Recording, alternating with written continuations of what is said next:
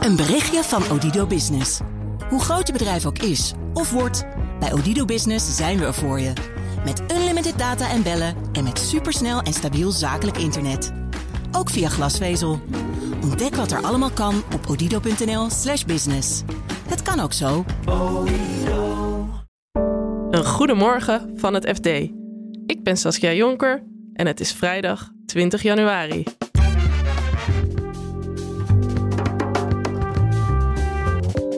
Een register voor lobbyisten moet omkoping van politici voorkomen. Maar het is maar de vraag of dat werkt. Wie echt kwaad wil, of een politicus die echt niet integer is, die hou je hier niet mee tegen.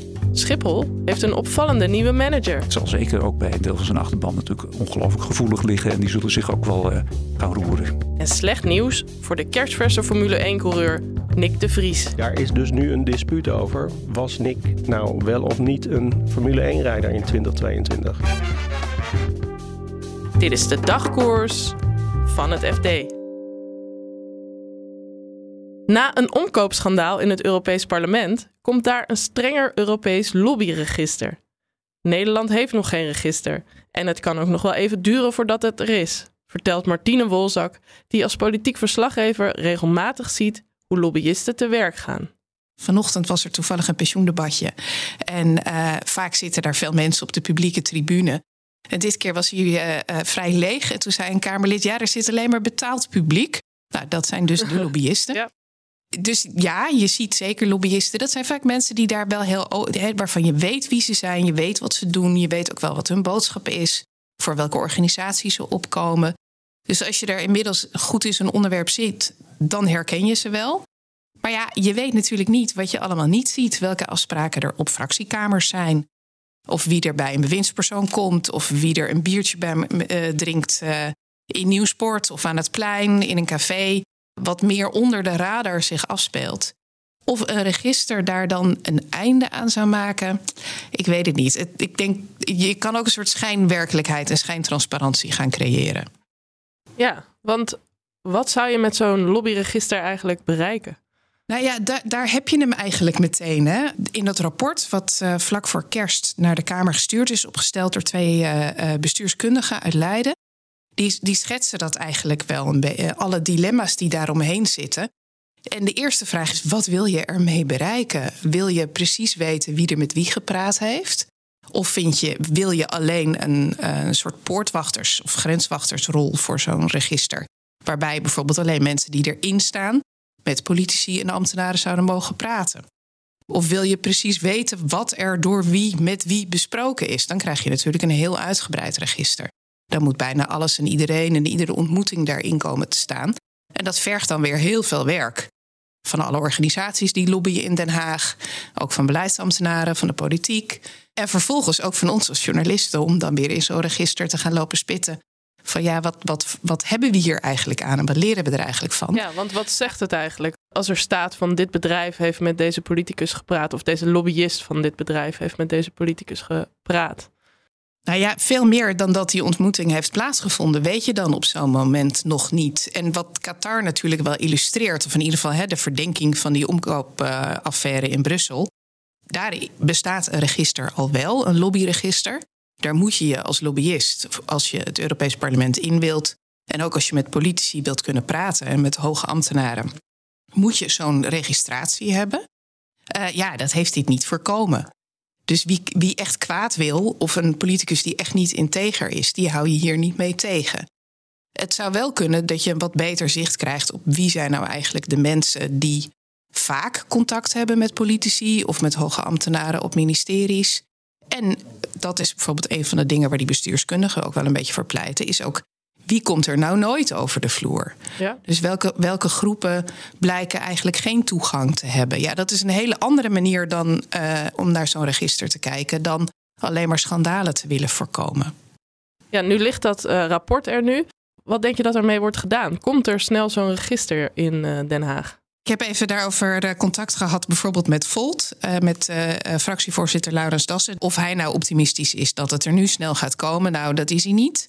Er zijn ook vlak voor de kerst nog een aantal moties ingediend. Van nou, binnen zes maanden moet er een wetsvoorstel liggen voor zo'n lobbyregister. Nou, die motie heeft het niet gehaald. En met al die dilemma's die nu weer neergelegd zijn, ja, hij is een beetje bang dat ontlokt een nieuw rapport en een nieuwe discussie. Het klinkt bijna alsof er een lobby is tegen het lobbyregister. Nou, dat zou je denken. En dat was in ieder geval ook een van de vragen die ik had. Uh, en dat heb ik ook aan al deze mensen wel gevraagd. Van ja, uh, worden jullie dan benaderd door mensen die tegen zo'n register zijn om uh, achter de schermen in je ervan te overtuigen dat dit niet moet? Nou, en dat herkennen ze allemaal absoluut niet. ze zeiden ook van ja, je, je komt denk ik niet zo heel goed voor de dag als je publiekelijk zou zeggen: Ik vind een lobbyregister echt een heel slecht idee. En ik ben tegen transparantie en de openbaarheid. Maar ja, uiteindelijk, we zijn we jaren verder en het is er nog steeds niet. Je zei net, uh, er zijn wel andere regels aangescherpt of die worden aangescherpt. Welke zijn dat? Er is een gedragscode opgesteld voor bewindspersonen, dus voor staatssecretarissen en ministers. Dat zijn niet echt nieuwe regels, maar wel dat er een goed overzicht is van alle ethische eh, normen waar je je aan hoort te houden. Er komt een vertrouwenspersoon waarmee gesproken kan worden als een bewindspersoon met een dilemma zit. En, en dat is denk ik waar het meeste aandacht voor is geweest de afgelopen tijd. Het, uh, het lobby-CQ-draaideurverbod voor uh, oud-staatssecretarissen en ministers. Dat zij niet uh, zomaar door de draaideur kunnen gaan en eerst als bewindspersoon ergens verantwoordelijk voor zijn en dan even later als lobbyist zich op hetzelfde onderwerp weer melden met alle kennis en ervaringen en contacten die ze daarop hadden. Daar gaat Nederland nu wel, er ligt een wetsvoorstel voor om daar echt een einde aan te maken. En de norm ligt er al, dus je moet, als, je moet al van goede huizen komen. Wil je daar ja. nog wel eh, dat gaan proberen? En dan blijven we nog even bij het lobbyen. Want FNV-campagneleider Joost van Doesburg krijgt een managementfunctie op Schiphol. Je hoort van redacteur Joop Wout waarom dat een opvallende overstap is. het gebeurt niet iedere dag hè, dat een eh, vakbondsbestuurder die net allerlei onderhandelingen heeft gevoerd met een uh, werkgever, uh, dat die opeens uh, overstapt naar de andere kant van de tafel. En de dan opeens de dark side. En dan opeens de belangen gaat dienen en moet dienen van zijn nieuwe werkgever en zijn nieuwe baas. En dat is niet de FNV, maar dat is in dit geval Schiphol, waar hij de afgelopen jaren tegen te hoop liep. Ja, dus want hij was bij FNV ook verantwoordelijk voor het personeel van Schiphol. Ja, Joost van Doesburg heeft een, uh, inmiddels een aardige carrière gemaakt. Hij begon als lobbyist na een studie politicologie voor de transportwerkgevers. Daarna stapte hij over naar de piloten, door sommigen de bankiers van de, de, lucht genoemd. Om daarna campagne te leiden, leider te worden bij de FNV. En daarin heeft hij de, de arbeidsomstandigheden, met name ook hele flexibele contracten van mensen bij de, luchthaven. Die heeft hij uh, jarenlang aan de orde gesteld. En uh, aanvankelijk had hij heel weinig succes, maar hij kreeg steeds meer gehoor en heeft uh, daar heel wat bereikt voor de FNV. Ja, zeker afgelopen zomer. Daar was hij ook volgens mij heel vaak in het nieuws. Ik, het is een bekend gezicht, toch? Ja, hij is, denk ik, vind ik, een ontzettend publicitair talent. Hij kan echt in, een, eh, in no time met allerlei one-liners kan hij uh, op de televisie indruk maken. En uh, dat hebben we afgelopen zomer in diverse praatprogramma's kunnen zien. Ja, en hij gaat dus van de ene kant van, ja, van de vertegenwoordiging naar de andere kant. Dat, dat lijkt te schuren. Is er ook kritiek op zijn carrière stap? Ja, dat is nog niet zo, zo erg duidelijk. Het is hij, is, hij rept zelf van allerlei ja, sympathieke geluiden die vanuit de FNV komen. Het, is, eh, het zal zeker ook bij een deel van zijn achterban natuurlijk ongelooflijk gevoelig liggen. En die zullen zich ook wel uh, gaan roeren. Nou is Van Doesburg niet de eerste die zo'n overstap maakt van de vakbondskant naar de werkgeverskant. Ik kan me herinneren dat uh, Gerard Toussaint, dat was al heel lang geleden, die was uh, onderhandelaar bij de Dienstenbond FNV. En die ging naar, uh, naar de partij waar hij altijd mee overhoop lag. Dat was toen Vendex KBB met bedrijvers VND en de Bijkorf. je hebt ook Wim Korteweg gehad, die zat bij bij de Vervoersbond FNV, die ging naar het GVB, het gemeentelijk vervoerbedrijf Amsterdam. En dan heb je natuurlijk grote namen als uh, Lodewijk de Waal of uh, uh, Wim Kok, die de laatste via een tussenstap in de politiek overigens commissaris werd van ING en bij Shell. Ja, en daar ook ging over de flinke beloningen van bijvoorbeeld Shell en, en het ING-bestuur. ING met name. En ja. dat was natuurlijk de man die uh, niet lang daarvoor als premier uh, zich druk had gemaakt over de exhibitionistische zelfverrijking van uh, topbestuurders in Nederland.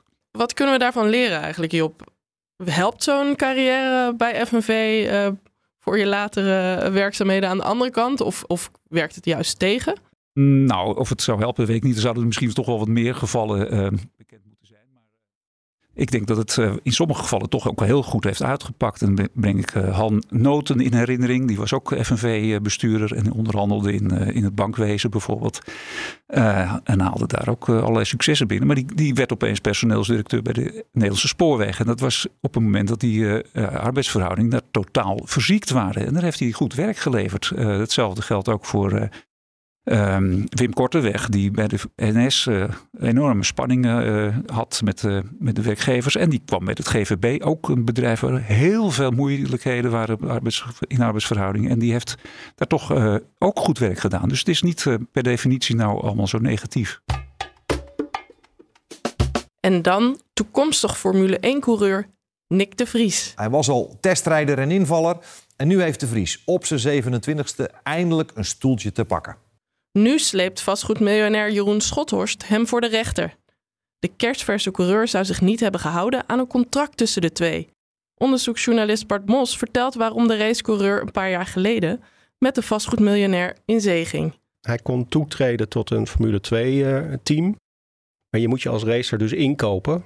En hij moest zich voor vijf ton inkopen. En daar, hij had een aantal sponsors, onder andere Jumbo en zijn familie. Maar hij hield nog een gat over van 2,5 ton. Behoorlijk. Ja, en hij had geen, geen enkele mogelijkheid om dat gat te dichten. Uh, en uh, Jeroen uh, Schothorst, die kende zijn vader goed. En die zei, nou dat wil ik wel lenen aan je. Oké, okay, en Jeroen Schothorst, die kennen we van McGregor. McGregor, ja. Dat precies. kledingmerk is dat, hè? Ja, het was een, een modeketen eigenlijk. En die ging in 2016, geloof ik, 17 uh, failliet. Hoe zag dat contract tussen uh, Schothorst en uh, de Vries er eigenlijk uit? Nou, het belangrijkste aspect was dat hij 3% rente per jaar moest betalen over het bedrag. En daarnaast moest hij dus ook nog eens een keer 50% van zijn inkomsten afdragen. Inkomsten die te maken hadden met Formule 1. Van zijn bruto inkomsten. Dus hij moest zelf nog over de totale inkomsten belasting betalen. En dan hield hij daar dan weer de helft van over. Wat heeft hem dat opgeleverd, die Schothorst, de afgelopen jaren? Of wat heeft de, uh, Nick de Vries daarvoor moeten betalen? Nick de Vries heeft volgens zijn advocaat 190.000 euro aan rente betaald. Dus het voor een klein deel is dat die 3% eh, per jaar. Maar voor een groot deel is dat dus de helft van zijn inkomsten die hij kreeg voor zijn werkzaamheden als uh, testrijder en als reserverijder voor de Formule 1. Het klinkt bijna als een wurgcontract. Hoe, hoe schat jij dat in? Ja, het lijkt heel erg op een wurgcontract. Maar aan de andere kant was er ook een kwijtscheldingsafspraak. Uh, uh, Als Nick niet in 2022 uh, Formule 1-rijder zou zijn, dan zou eh, die lening worden kwijtgescholden. Alleen daar is dus nu een dispuut over. Was Nick nou wel of niet een Formule 1-rijder in 2022? Ja, want officieel wordt hij nu pas Formule 1-rijder. Ja, in seizoen 23 wordt hij Formule 1-rijder. Maar die Schothorst, die vertrouwt Nick niet, want hij beschuldigt hem van het achterhouden van informatie over zijn inkomsten in het afgelopen jaar. En die, daarvan zou hij dus de helft moeten afdragen aan Schothorst. Nick zegt, uh, ik heb al die informatie verstrekt, ik heb jou gewoon betaald, doe niet zo moeilijk. Komen dit soort contracten eigenlijk vaker voor in de autosport? Die leningovereenkomsten, ja zeker. Want die racers die moeten dus heel veel geld uh, op tafel leggen om een stoeltje te krijgen in Formule 2 auto bijvoorbeeld. En dat is de opstap naar Formule 1. En dan, ja, dan gaan ze aan alle, uh, in hun omgeving uh, schrapen natuurlijk. En leningen afsluiten bij vaak quote 500 types. Deze week stonden ze dus tegenover elkaar voor de rechter. Wat eist Schothorst nu? Wat wil hij van Nick de Vries hebben? Deze week was er een kort geding. En in dat kort geding wordt eigenlijk alleen maar geëist dat, dat Nick openheid van zaken geeft over alle afspraken die hij heeft gemaakt afgelopen jaren. Maar het bijzondere is dat hij ook, dat Schothorst ook het contract wil hebben wat Nick heeft uh, afgesloten voor 2023. Terwijl dat eigenlijk buiten het contract valt. Ik ben benieuwd wat de rechter er daarover gaat vinden. Wanneer doet hij uitspraak? De rechter doet in kort geding uh, uitspraak op 3 februari. Dus daar moeten we nog even op wachten. Maar ondertussen heeft Schothorst al aangekondigd dat hij een bodemprocedure gaat uh, starten tegen Nick. Omdat er ook nog uh, discussie is over andere onderwerpen in, het, uh, in de leningovereenkomst. Onder andere over de vraag of hij als reserve en testracer, wat hij dus in 2022 was, of die daar nou wel of niet wordt aangemerkt als een Formule 1 racer. Want dan zou die dus die lening niet hoeven kwijtschelden. Ja. Het klinkt hoe dan ook voor uh, Nick de Vries als een rumoerige start van zijn uh, eerste stappen in de Formule 1. We gaan zien uh, waar dat eindigt. Dankjewel. Geen dank.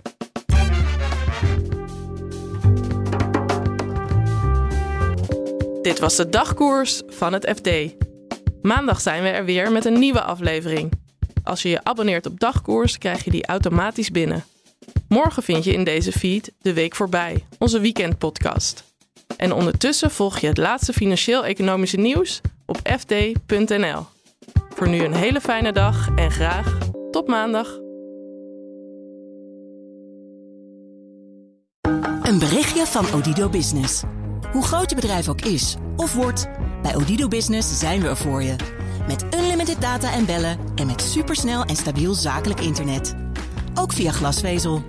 Ontdek wat er allemaal kan op odido.nl/slash business. Het kan ook zo.